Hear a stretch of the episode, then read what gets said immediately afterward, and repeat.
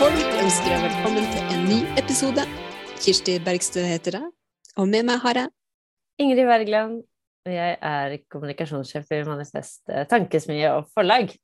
Og ikke bare det, jeg er jo nestleder i SV, og siden sist så har du blitt Jeg har blitt nestleder, ja, i Grünerløkka SV. ja, det er veldig stas. Det er jo et veldig stort eh, lokallag i SV, så vi er jo en, en maktfaktor i Oslo. Ja, og så er jo lokallagene det er jo eh, hjertet av eh, all politisk virksomhet. Akkurat som tariffavtalen er grunnsteinen i den norske modellen. Kan du si. Mm. Apropos den eh, norske modellen. Eh, vi skal jo eh, i noen episoder eh, fremover, innimellom i hvert fall, eh, ha fokus på eh, et spesielt tema. Nemlig Innleie. Bemanningsbransjen. Bemanningsforetakene. Parasittvirksomheten. Intet mindre. Og det er jo en eh, bransje eh, som har en eh, lang eh, historie. Eh, og som eh, Men også en kort historie, vil jeg si. Ja, men lang i politisk dragkamp. Fordi det er jo en bransje som var forbudt i Norge tidligere. Det var forbudt med innleie i Norge. Og nå hører man jo ofte høyresida og venstresida i politikken eh, brake sammen om eh, behovet for bransjen, om eh, synet på den. Er det et springbrett for at unge mennesker skal få komme inn og prøve seg i arbeidslivet?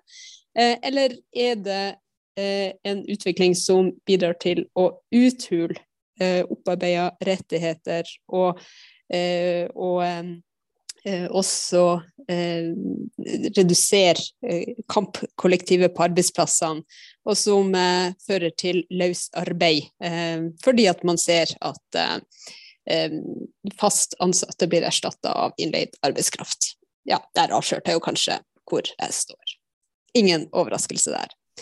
Men eh, eh, det er jo en, eh, en eh, bransje som har eh, kommet eh, som en tsunami eh, i norsk arbeidsliv, eh, med det totale løsslippet eh, tidlig 2000-tall.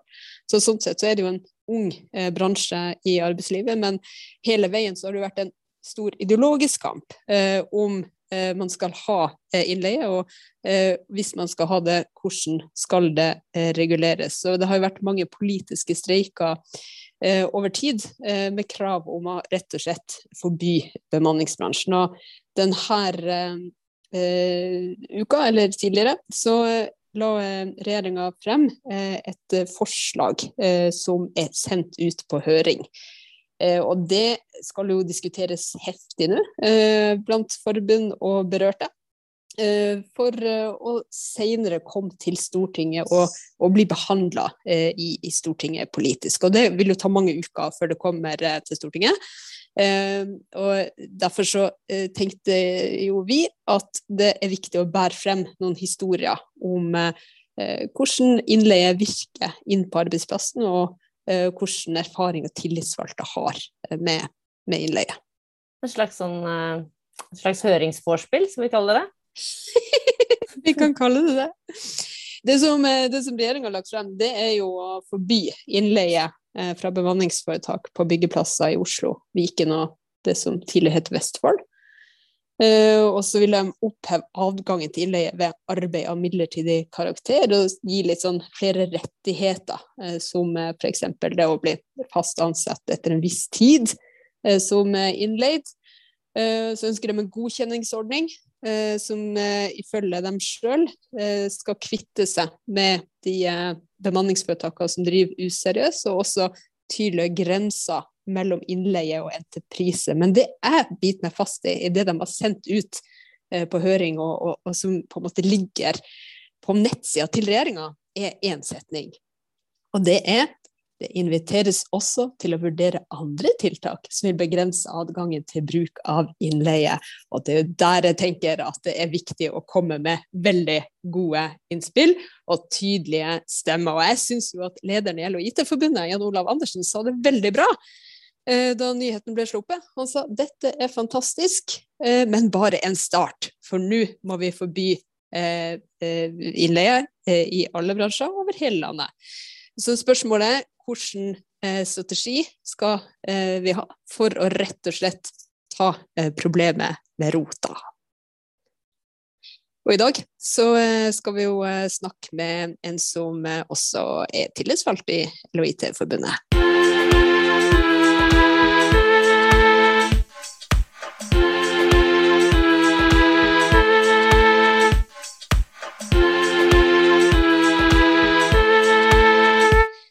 Henriette Thorsen er nestleder i Eloite-klubben i Helle Elikon, og vi skal snakke med Henriette om hennes erfaringer som tillitsvalgt og ved innleie. Men først, Henriette, vil jeg bare si velkommen til oss. Tusen takk. Kan du starte litt med å snakke om, eh, om jobben din og, og, og hva du jobber med, for det er jeg litt nysgjerrig på. Eh, ja, jeg er elektriker og har eh, vært der siden 2009. Jeg jobber stort sett industri og offshore, så jeg jobber mye turnus. Um, har nå fått stilling som arbeidsleder, så nå ser jeg en ny side av mitt eget yrke da, med å holde folk i arbeid og ja, ha kontorsida av det. da. Veldig spennende. Ja, Det kan jeg tro. Og så vet vi at du er aktiv og har flere verv. Ja, jeg eh, sitter nå er jeg inne som vara i, i styret i Elektrobandens fagforening Vestland.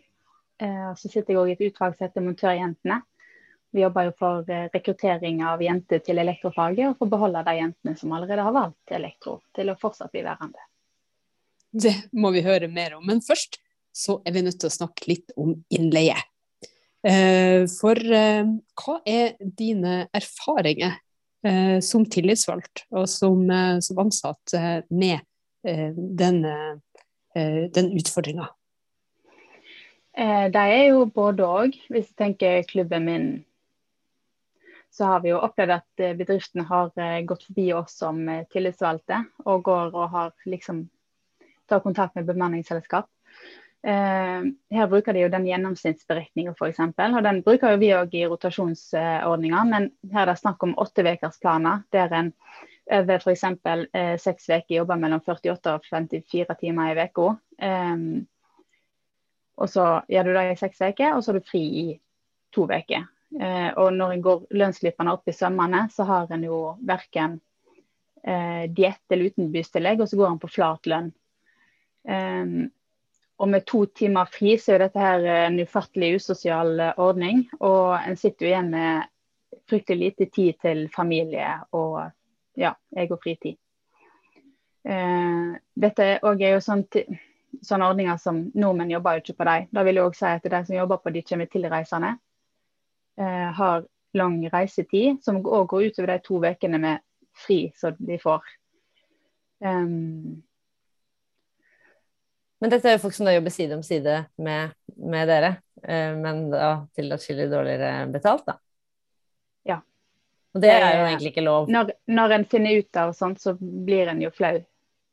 Eh, jeg vil jo jobbe Altså vet at de jeg jobber i lag med, går på de samme vilkårene som jeg går på. Og har de samme ordningene og de samme godene. Men hva har dere gjort da når dere har oppdaget den type ting? Sånn tar en jo da kontakt med klubb til bedrift, og så kan få en sendt inn eh, sånne saker f.eks. til tvist i, i, forbundet, da, for eksempel, som kan rydde opp. Eh, her er jo òg kan vi bruke egne lokale organisasjonssekretærer òg, som kan komme inn og ja, gi oss tips om hvordan vi tar disse sakene videre. Um, vi har jo òg kjekkere saker der vi har nekta innleie på prosjekt.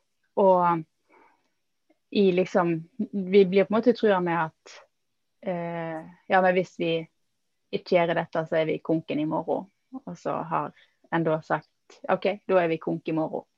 Og så i tolvte time så har de ansatt de, det manglende personellet, da. Men det handler jo om at de har tatt jobber som vi ikke har nok folk til, der de har planer våre innleie fra dag én av. Um, og konsekvensene av sånn, sånn uh,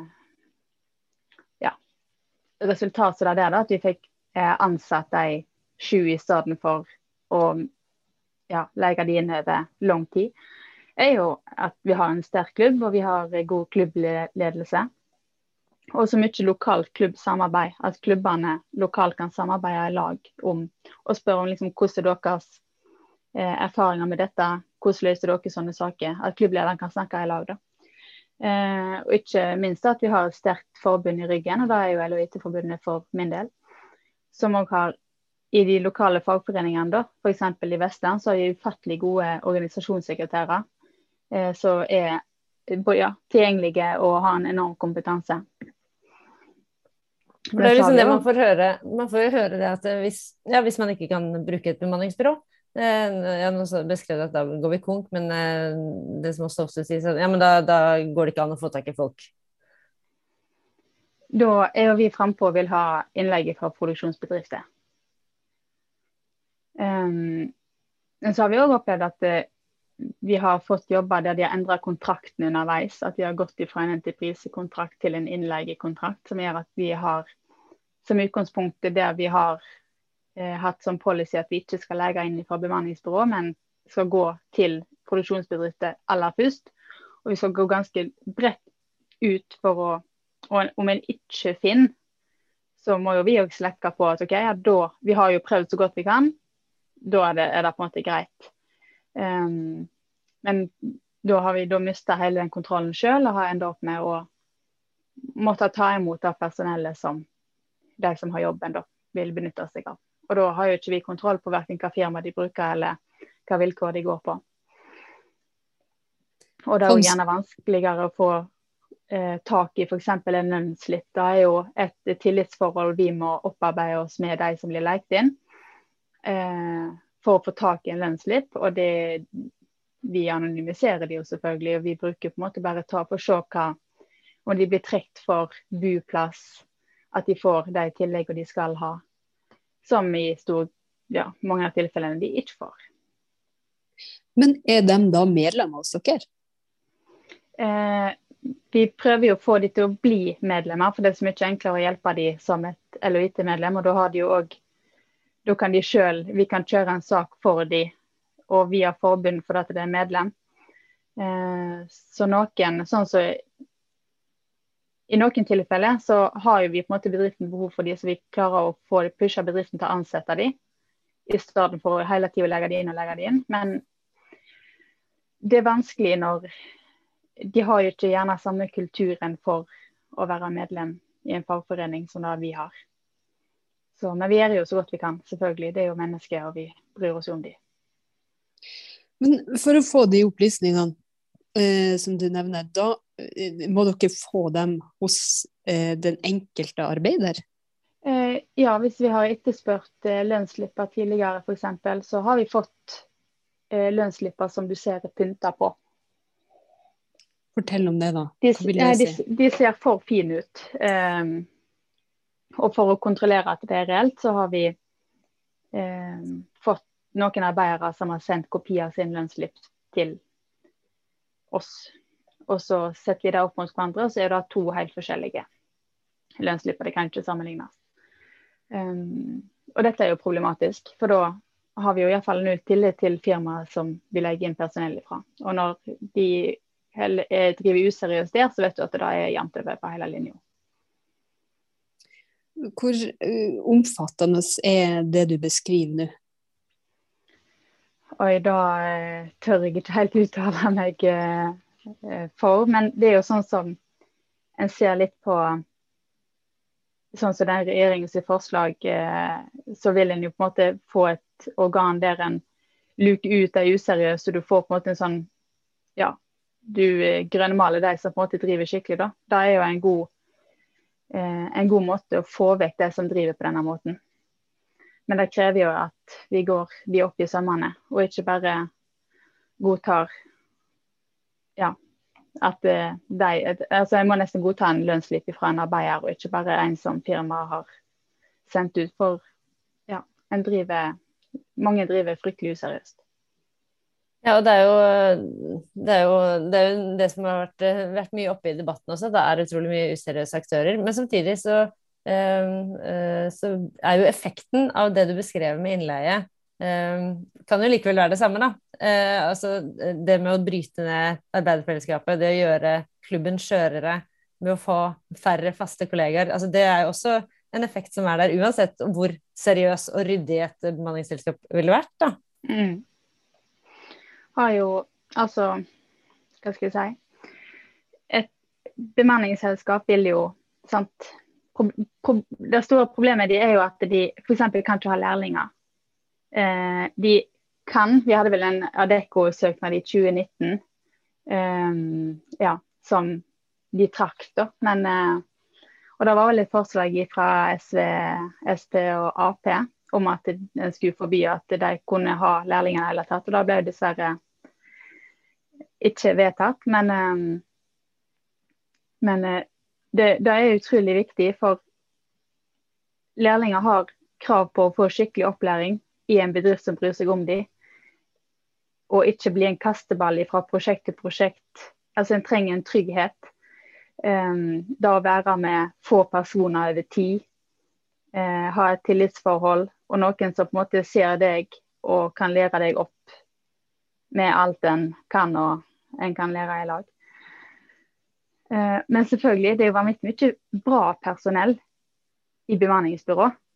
Det er derfor det er så jækla altså Det er synd at de ikke blir ansatt. Uh, men jeg skjønner jo at en som er ansatt i et bemanningsbyrå, ikke tar på seg ansvaret med å lære opp en lærling som er ansatt i bedriften han er leid inn til. Det er ikke derfor han er leid inn.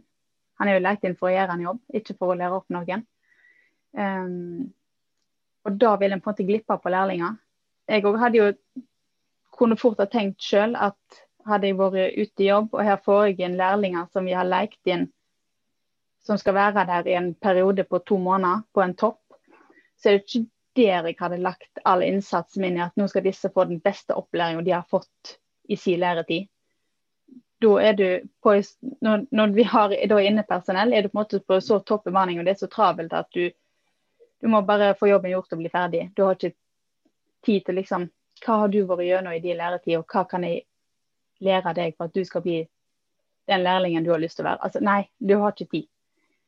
Um, ja, så er det jo litt Det blir litt sånn som dette med når du får mye innleie òg i, i, bedriftene, sant? så har du både en del med, med lærlinger at den vil glippe, så da òg den lojaliteten. Du er du er et nummer i et bemanningsbyrå, og du blir på en måte kasta litt rundt. Du har ikke nødvendigvis en lojalitet hos din arbeidsgiver, for om seks måneder kan du være i et nytt bemanningsfirma. Eh, men det er ikke alltid du har heller lojalitet til det firmaet som blir lekt inn hos. For der òg skal du bare være en kort periode.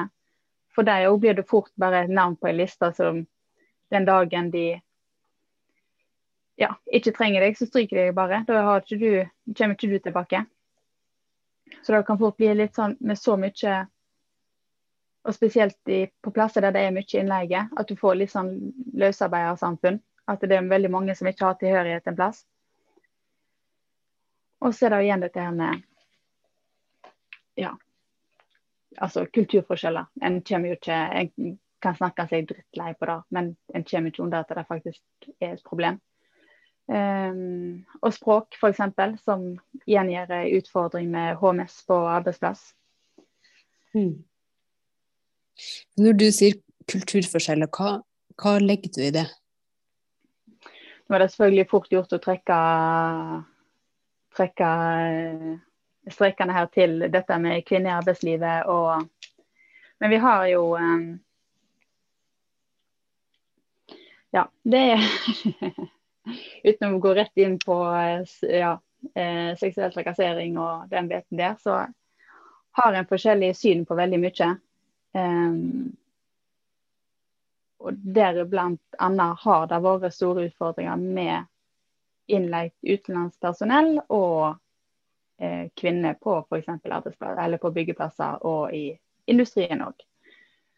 Um, der spesielt før nå Det begynner jo å skje ting. F.eks. utenlandske arbeidere som har vært lenge i Norge, um, er jo blitt vant til å se kvinner i, på byggeplasser og i industrien. Men når jeg begynte i 2009, så var jo ikke det like vanlig. Så en ble fort filma og tatt bilder på jobb. Eh, du ble sett på som eh, underholdning og ikke en arbeider, på en måte. Um, og det er veldig problematisk når en jobber mot at det skal være et seriøst arbeidsliv for begge kjønn i de typisk utradisjonelle fagene. Um, Og du opplevde at det var mye mer utbredt fra de ikke-norske enn de norske? Det er mye mer utbredt blant utenlandske arbeidere, ja. For det har jo veldig mye med at de kommer fra land der det ikke er vane med at kvinner er i disse yrkene. Men nå eh, i fjor møtte jeg eh, første polske dame eh, som jobbes i, eh, med stillas og da, da, kjente jeg var ufattelig viktig. Eh, og hun òg bodde jo i Polen, kom jo reisende med sine kollegaer. Nei, det, ja, nei, det er sinnssykt viktig for, uh, for uh, ja, å viske litt ut den der uh, Og da å se at kvinner i Polen òg tenker utradisjonelt. For har du snakket med en polsk eller en litauisk eller en eh, estisk eh, mann om hva, hva jobber damer med i, i ditt heimland, så er det de har aldri hørt om ei kvinne i et utradisjonelt yrke. Så det var sinnssykt viktig å se hun ene som kom som stillasarbeider. Fortalte hun om hvordan hennes eh, arbeidshverdag var? Nei, Det var litt eh, språkproblem, da. Eh, så jeg håpa hun skjønte at jeg syntes det var bra, når jeg hilste på og, og fortalte at jeg syntes det var kult at hun jobba som det. Men ja, nei, litt språkproblem gjorde at det ble litt vanskelig, men jeg håper hun skjønte mitt. Nei, man vil jo være arbeidskamerat eh, på jobben og ikke et objekt. Um, Absolutt. Men du, nå har det kommet en eh, del eh, forslag til endringer eh, med tanke på lovverket rundt, rundt innleie. Eh, ja. Um, det, hva tenker du om det? Tror du det, tror du det vil ha en stor effekt? Jeg håper jo det. Eh, og det er jo fantastisk at det er kommet, og at vi iallfall begynner å nærme oss noe. Og jeg ser jo, hvis en ser på de eh, kuldepunktene nedover, så har det jo så vil de jo i større grad kunne tvinge bedriftene til å ansette flere. Eh, og det kulepunktet som handler om eh, å gi innleiepersonell flere rettigheter, da kunne fort gå litt sånn begge, begge, veier. For det er veldig positivt at du raskere kan få faste ansettelser med å skrenke inn en tid og de må jobbe for å få rett til fast ansettelse. Men så er jeg òg redd jeg kan gi en effekt med, med at du får større gjennomtrekk eh, for at de skifter ut personellet fortere. Så det var litt sånn Jeg skjønner veldig godt tanken, og det er en veldig god tanke, men jeg er redd jeg kan virke litt imot sin hensikt. Dessverre. Eh, så får jeg bare håpe at eh, bedriftene ikke tolke det i verste mening. Um, men de kunne godt vært enda tydeligere på f.eks. dette med offentlige anbud. Det skal være krav om så og så mange egne ansatte. Uh, at du ikke bare kan ansette fire til fem egne baser eller, eller arbeidsledere, uh, og så bare leie en 100-200 mann. Uh, og så blir det liksom bruk og kast av personell. Jobben er ferdig, kjempefint, men de går tilbake til et usikkert arbeidsmarked og vet ikke Ja. Og så sitter du igjen der som har hatt fire-fem ansatte og har tjent gris med penger. Um, men som jeg òg nevnte tidligere, dette her med den det kulepunktet som omhandler å um, bli kvitt de aktørene som driver useriøst. Ufattelig viktig punkt. Og jeg håper det kan være gjennomførbart på en rettferdig måte. Hvis du kunne velge deg dette, hva, hvordan ville lovverket blitt utforma da? Oh, det er vel eh, kanskje en grunn til at jeg ikke har sittet med dette her eh, på mer plan enn eh, å sjøl ha blitt utført. Det som Nå er jo disse her kommet for Oslo og Viken-området. Um, for det er jo vanskelig å gjennomføre det f.eks. sånn som vi jobber, da. Um, altså, jeg skjønner det skjer på, i byggebransjen, men jeg ser at det trenger mye mer tid på å få det f.eks. i industrien, der du har en mye kortere topp, der du trenger vanvittig mye bemanning over kort tid. Um, F.eks. hvert som driver for med flere prosjekt, og der de har eget personell egentlig godt spredd utover, får en enorm bemanningstopp. Men du har mye jobb, så du må ha eget personell utover alt. Får en kjempebemanningstopp, trenger du den inputen. Der er òg svakheten med å legge inn for produksjonsbedrifter. er veldig, veldig for det. Men svakheten er at de kan nødvendigvis ikke levere mye personell over lang tid. De kan kanskje levere noen over lengre tid, og så få eh, mange over, eller mange over kort tid. For de har gjerne egne prosjekt som venter. De, har kanskje, de kan løsreve personell i et par måneder f.eks. før de får et eget større prosjekt. Det er jo dessverre der bemanningsbransjen gjør det godt. Men det handler jo òg om at bedriftene tar på seg store jobber som de ikke har ansatte til. Altså de belager hele um, hele prosjektet på innleie, i stedet for på måte, det som på en måte har vært grunntanken med å dekke en bemanningstopp i kritisk fase, så er det nå belaga på at du skal innleie nesten fra start til slutt. Da bør en heller øke grunnbemanning. Um, nå, nå, har du nevnt eh, flere ganger Henriette, det med å eh, leie inn folk fra andre produksjonsbedrifter. Um, mm. Kan ikke du si noe om hvordan det fungerer? Da blir det bedrifter som har uh, egen uh, produksjon, og som i, i um, perioder kan ha for å si, i hermetegn overskuddspersonell som de da kan stille disponible til bedrifter som har mye jobb.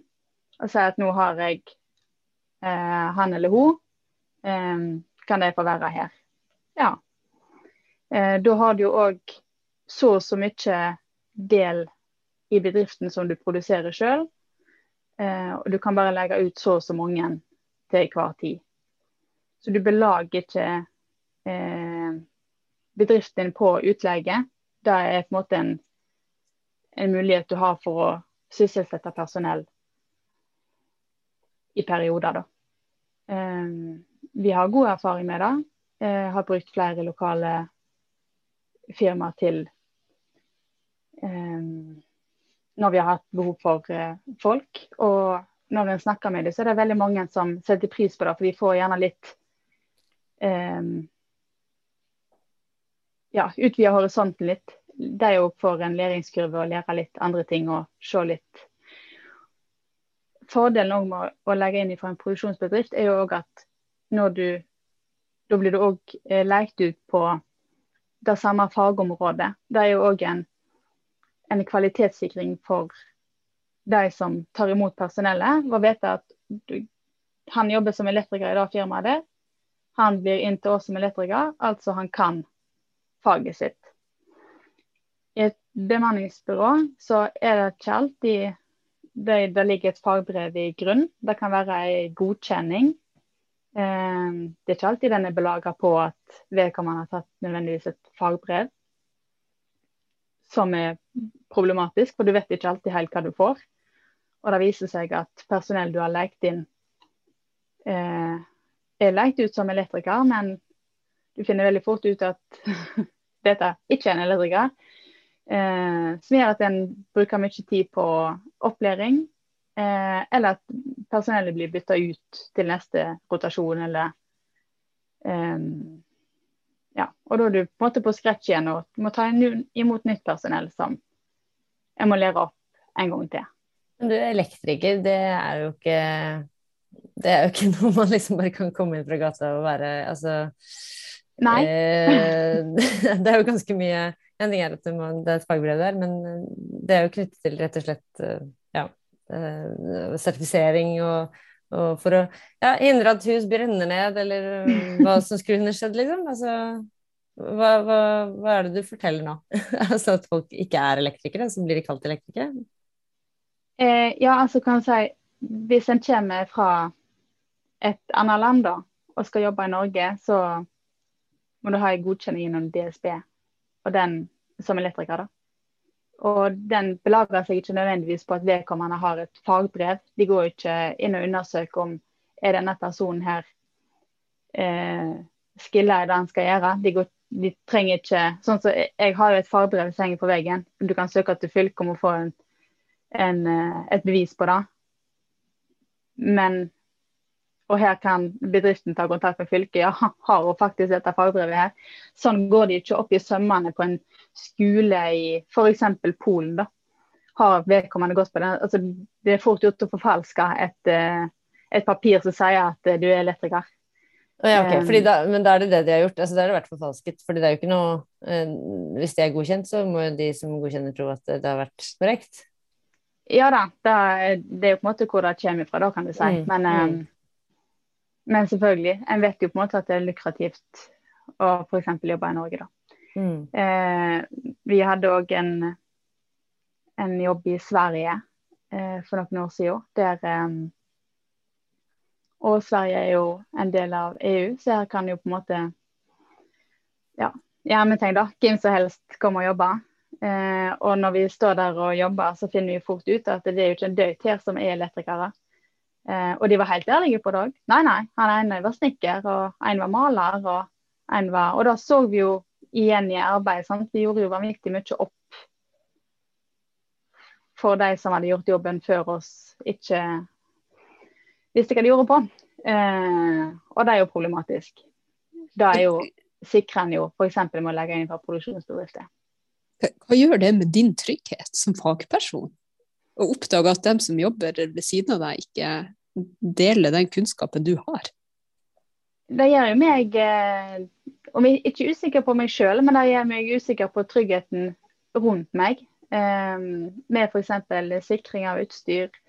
Eh, når vi driver og klatrer ved himling, har de som har montert dette stålet jeg klatrer på, har de montert det skikkelig sånn som det skal. Altså, du blir hele tida i bakhodet at hvis det er så enkelt å bare leie en folk her som utfører denne jobben her uten fagkompetanse, det, går det igjen i alle ledd? Eh, skal vi her være usikre på trappene vi går ved og gulvet vi trør på?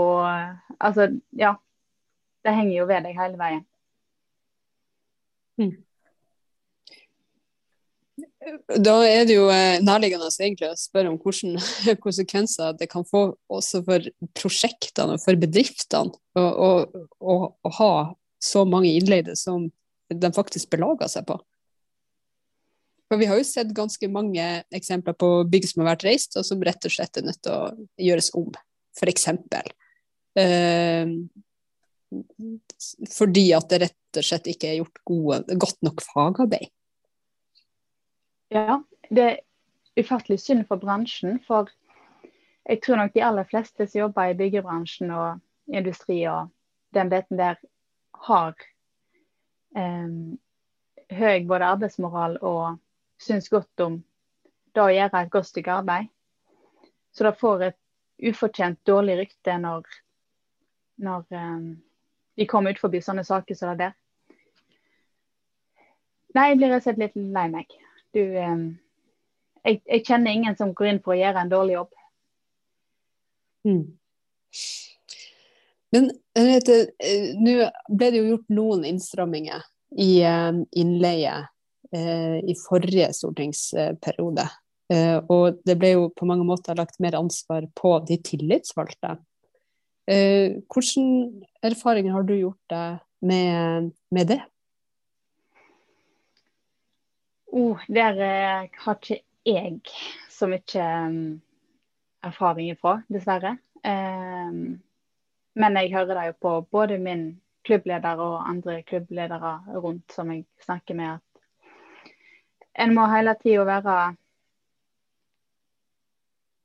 ja, du må være på jobb, da, og du må være på vakt hele veien. Og en, en vil jo hele tida tenke at det en gjør, skal være rett, og det skal være rettferdig, og det skal, være, det skal på en måte gagne alle. Så, um, men ja, når du på en måte møter motstand i, i bedrifter, uansett hva bedrift, så hjelper det ikke med at det bare blir litt enklere. For det er veldig mange bedrifter som vil alltid finne en gråsone eller alltid finne et smutthull. Så jeg tenker da å få eh, både innstramminger og regler som er så klare at det er ikke rom for synsing. Eh, da føler jeg ofte er den største utfordringa å finne noe som ikke kan tolkes på den ene eller den andre måten, som gjør at det blir en uenighet da, mellom bedrift og, og klubb. Men mm. eh, alle alle innstramminger hjelper. Det gjør jo at ja, jeg kan slippe litt mer runder på ja, da hele tida måtte gå opp i sømmene, da. Så får en et sånt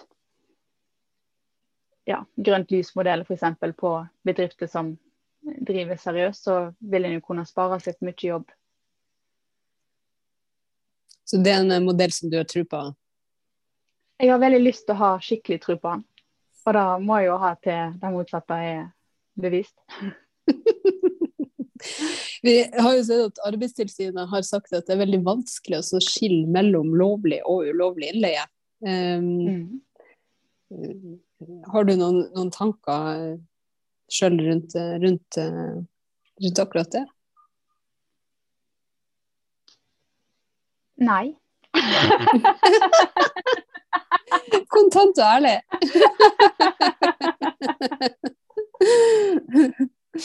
jeg, jeg, tenker at bedrifter òg har lyst til å legge inn lovlig. Um, så naiv tillater jeg meg sjøl til å være. Jeg velger å tenke at det er ingen som har lyst til å gå inn og drive en bedrift useriøst. For det går på navn og rykte. Slutt. Så um, ja. Mm.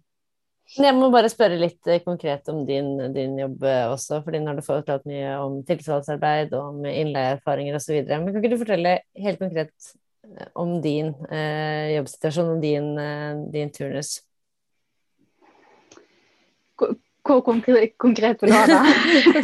Nei, fortell om, fortell om, turnusen din, og fortell om eh, ja, Nå beskrev du også å jobbe litt på kontor der hvor du er, da, men uh, du kan jo beskrive litt mer hva, hva du administrerer?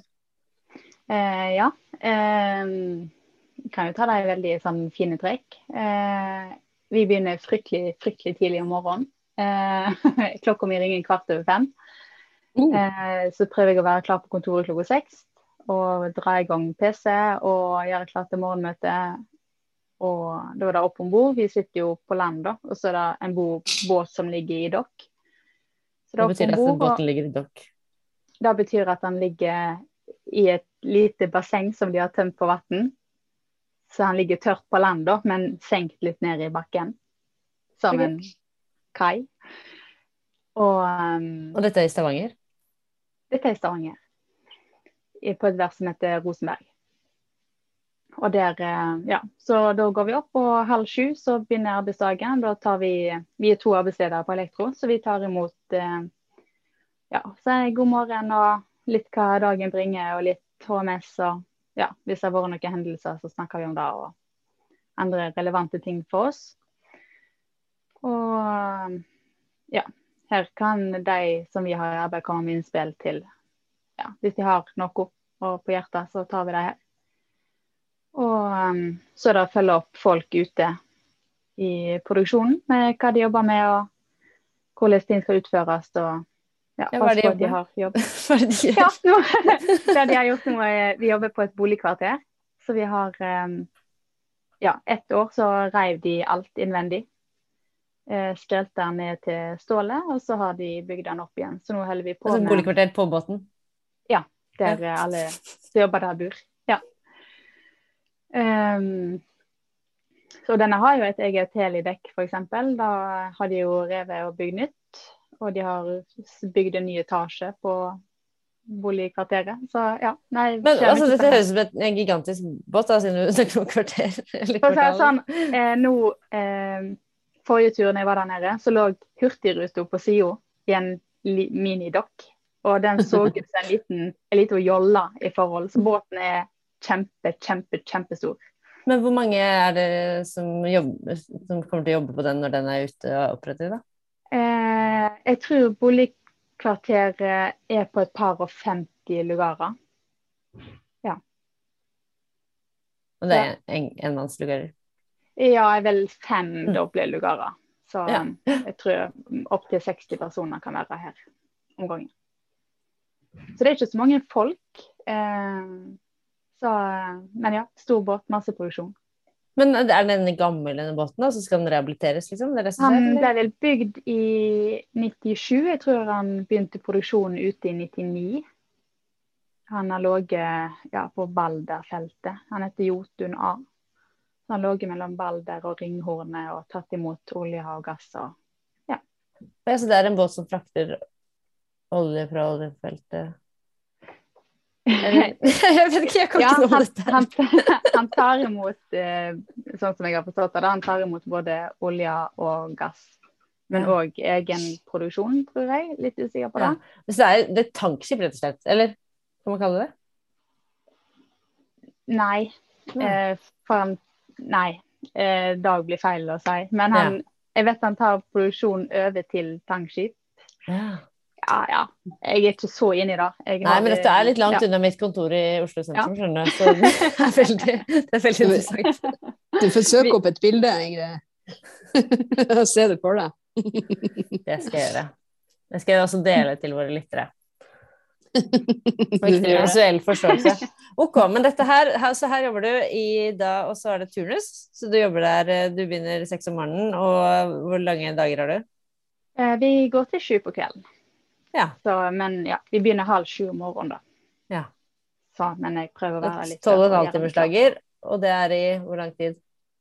Eh, ja, blir 15 dager da, på en måte, for du starter og slutter på onsdager, men du jobber samme dager som du kommer og reiser.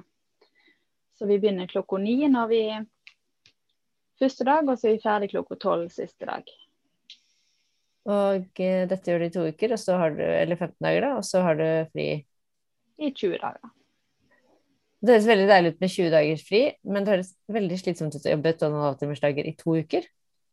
Nei. Men da har du Eh, ikke noe fri, det er ikke noe lørdag og søndag, altså det er ikke noe nei, vi jobber 12,5 timer hver dag. Og da er litt Jeg er jo vant til det. Det er jo på en måte dette som er liksom idealjobben for meg. Å, for da er jeg liksom Når jeg er på jobb, så er jeg bare på jobb.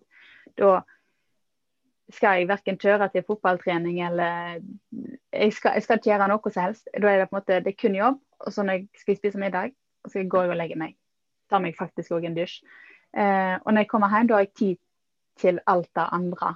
Eh, så vi har veldig sjelden sånn tidsklemmer. Nettopp. Jeg syns det høres veldig Ja, jeg, jeg syns det høres veldig intenst ut, men, uh, men det høres Det er veldig, du er jo rundt folk. Det er det jeg merker liksom første dagen jeg kommer hjem, eller den dagen jeg kommer hjem. Så uh, ja. Da har jeg ikke lyst til å se noen eller snakke med noen. Da er jeg liksom ferdig med folk. Da har du vært rundt folk i 15 dager. Eh, og sant, da kjører du vi, eh, ja, i stor grad bruker egen transport eh, til og fra Stavanger. Du har gjerne noen med deg i bilen. Så det, begynner med sånn kickoff onsdag. Eh, ja, kvart på seks om morgenen, så har du på en måte folk i bilen, og det er liksom Ja, og da er det 15 dager til de er stille igjen. så det er veldig sånn intenst når det står på. Eh, men jeg kjenner ikke på det der og da. Men liksom når jeg setter meg i bilen på vei hjem, og spesielt hvis du kjører tom bil, så er det helt sånn Åh, ja. Da var det over. Men det er jo såpass hardt eh, for kroppen da, å jobbe så lange dager i så lang tid. Altså, det, det er jo ikke sånn at det, Når du sier sånn ja, da, da er jeg helt fri og tid til alt liksom når jeg kommer hjem. Du, hvor lang tid bruker du på å komme deg igjen og føle at du har liksom normal energi igjen etter en sånn ukers periode? Nei, da er dagen etterpå. Superwoman! Nei, det handler litt om Altså, da får jeg brukt tida, sant. Når jeg kommer hjem, så har jeg den luksusen at jeg kan kjøre ungene på skolen. Og når de er på skolen, så har jeg tida til de kommer hjem igjen. Og da, da kan jeg ta meg en hvil. Jeg kan, altså, da går det litt sånn i slow motion, så du får liksom hente det inn igjen på de Mm. på det viset der, da, kan du Mm. si. Mm. Etter hvert så orker du å treffe folk. Ja da, ja, men jeg er jo utprega sosial òg, så jeg, jeg trenger bare en dag. Og så er jeg fit for fight igjen. Vi har et par ting til vi må komme, komme innom før vi, før vi går ned for landing. Fordi eh, Vi nevnte så vidt i åpningen her at du, du, du er aktiv i uh, utvalget Montørjentene. Kan ikke du si, si litt om hva det er for noe? Ja, eh, det er veldig kjekt. Det ble eh, ja, oppretta i 2012, tror jeg. Det er egentlig et samarbeid mellom noe som heter Jenter i bil og elektro. Eh, og så kom liksom montørjentene litt ut av det. da, at liksom Jenter i bil og elektro var veldig sånn fargene og mer. Og så fikk vi et utvalg i um, Elektroarbeidernes fagforening i Vestland som heter Montørjentene. Og der ble vi valgt inn noen jenter da, til å sitte i det utvalget. Så tok det liksom noen år før vi på en måte fikk skikkelig aktivitet. Uh, men når vi først kom i gang, så eh, kom vi skikkelig i gang. Eh, så vi søker hvert år til, til årsmøtet om en sum med penger som vi får disponere i året. Så nå tror vi vi lå mellom 160 000 og 170 000 i året, eh, som vi bruker på eh, skolebesøk, eh, messe. Vi er med på ja, altså utdanningsdager på skoler og forskjellig. Um, og så har vi jo utvalgsmøte for liksom settle eh, hva, hvordan ser årsplanen ut. Hvordan skal vi jobbe fram mot dette? Hvordan jobber vi fram mot dette? Så vi har fått invitasjon til eh, Eliaden nå på Lillestrøm i eh, slutten av mai og begynnelsen av juni. Det er ganske stort. Gleder jeg meg skikkelig til. Fortell hva det er for noe. Eh, det er jo en stor sånn, messe da, for elektrorelatert. Og der har vi blitt invitert til å ha en egen stand. Og vi har egentlig fått litt frie tøyler med hva vi skal gjøre på. Så der er vi i planleggingsfasen, da, hvor eh, langt vi skal dra. da. Men hva er liksom målet for eh, eh. Hva er, det dere, hva er- det dere vil og skal? I hovedsak så er det rekruttering til bransjen, og da å beholde de jentene som velger eller velger elektrobransjen da, som sitt fagfelt. Og da være en sånn lavterskel for spørsmål, eh, utfordringer, eh, tanker. Altså, her, og vi, det er jo derfor vi har på en måte funnet Snapchat som vår hovedplattform. da. Eh, så vi har vel begynner sikkert å nærme oss 1500 følgere nå. og Det er alt fra skoleelever til eh, lærlinger, eh, elektrikere, både mannlige og kvinnelige. Eh, så vi har både gjester innad i bransjen, vi har hatt skoleelever som har vist dem fra skolehverdag. Og ja, vi sjøl snapper jo litt f.eks. fra yrkesmesse og sånn. Og så har vi òg hatt en måned i fjor der vi hadde inne gjester fra andre typisk utradisjonelle fag. da. Altså bilmekanikere, malere. For å se litt andre yrkesgrupper. Og Det er fort gjort at vi tar Når vi har et raid på OK, nå har vi masse skolebesøk. Da har vi f.eks. en sånn måned der vi har mye eh, utradisjonelle gjester, da, skulle jeg si, altså gjester fra flere utradisjonelle fag, som gjør at de får se et større spenn da, i det å velge utradisjonelt, ikke bare elektrobransjen. Det er jo veldig interessant å høre om arbeidet med montørjentene, eh, også ditt arbeid som, som tillitsvalgt. Eh, og på det du har sagt, så, så høres det ut som du tenker at eh, det å rekruttere til bransjen også er en del av svaret på utfordringer med, med innleie.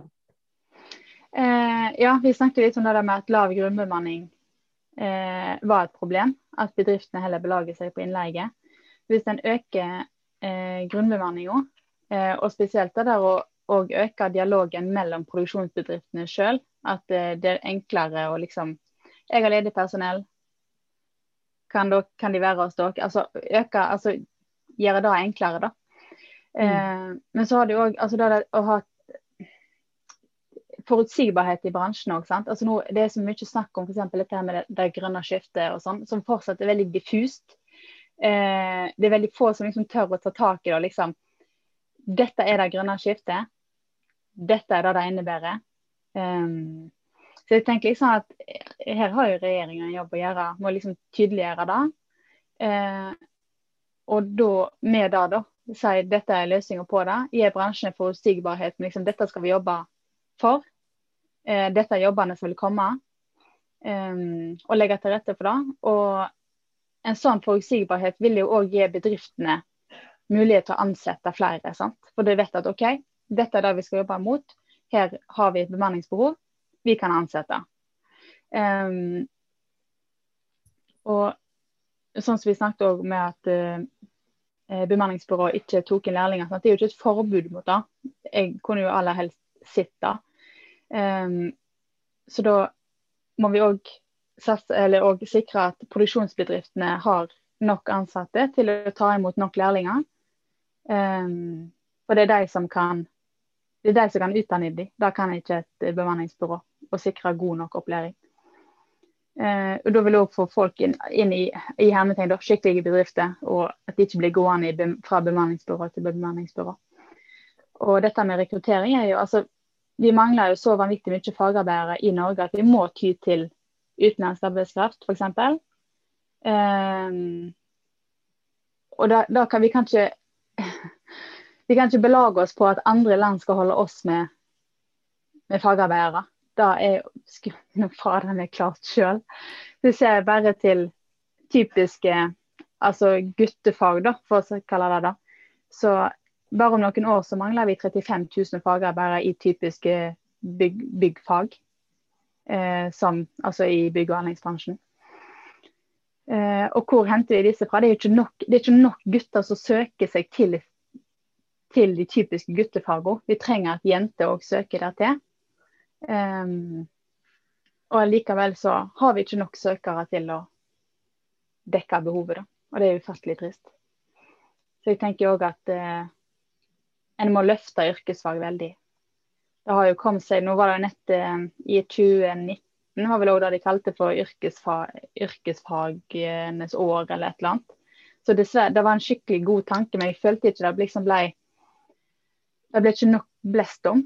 Eh, og så utvida det vel egentlig til 2020 uten at det nødvendigvis skjedde så mye mer. Men ja, mer fokus på yrkesfag og yrkesfaglig opplæring og viktigheten av det. Og det skal alltid lønne seg å ha lærlinger. Mm. Viktig, viktig påminner. Henriette, vi har et fast spørsmål i vår eh, podkast. Og ja. det er hva var din aller første jobb? Min aller første jobb, sånn jobb-jobb, uten å passe mm. på søstre, det var um, Jeg var vedlikeholdsarbeider på et uh, sykehus der jeg er fra. Så jeg eh, for en hel sommer og kutt, eh, kjørte plenklippertraktor. eh, og luka bed. Og um, uh, spraya sånn der um, grønnsaksvann eller et eller annet på bladlus. ja. Det hørtes ut som en veldig deilig sommerjobb, da, hvis det var fint vær? Ufattelig deilig. Eh, og sjøl da var jeg jo 16 år, og bare den friheten du føler å kunne kjøre en sånn plenklippertraktor i pissregn òg for den del, det er jo deilig. Men hadde du, hadde du lappen for det, liksom, eller var det liksom, var ikke så stor? Nei, det er en sånn, sånn Han er jo sikkert liten for de som kjører traktor, men for meg som jeg 16 år gammel, gammel liten fjodda med Britney Spears på MP3-spilleren, var jo dette her en doning. Eh, enorm frihetsfølelse. Første doning til eh, enorme doninger på dokk. Det er eh, spennende, Henriette. Tusen takk for at du delte dine erfaringer med oss. Lykke til videre med arbeidet både som tillitsvalgt og med Montørjentene.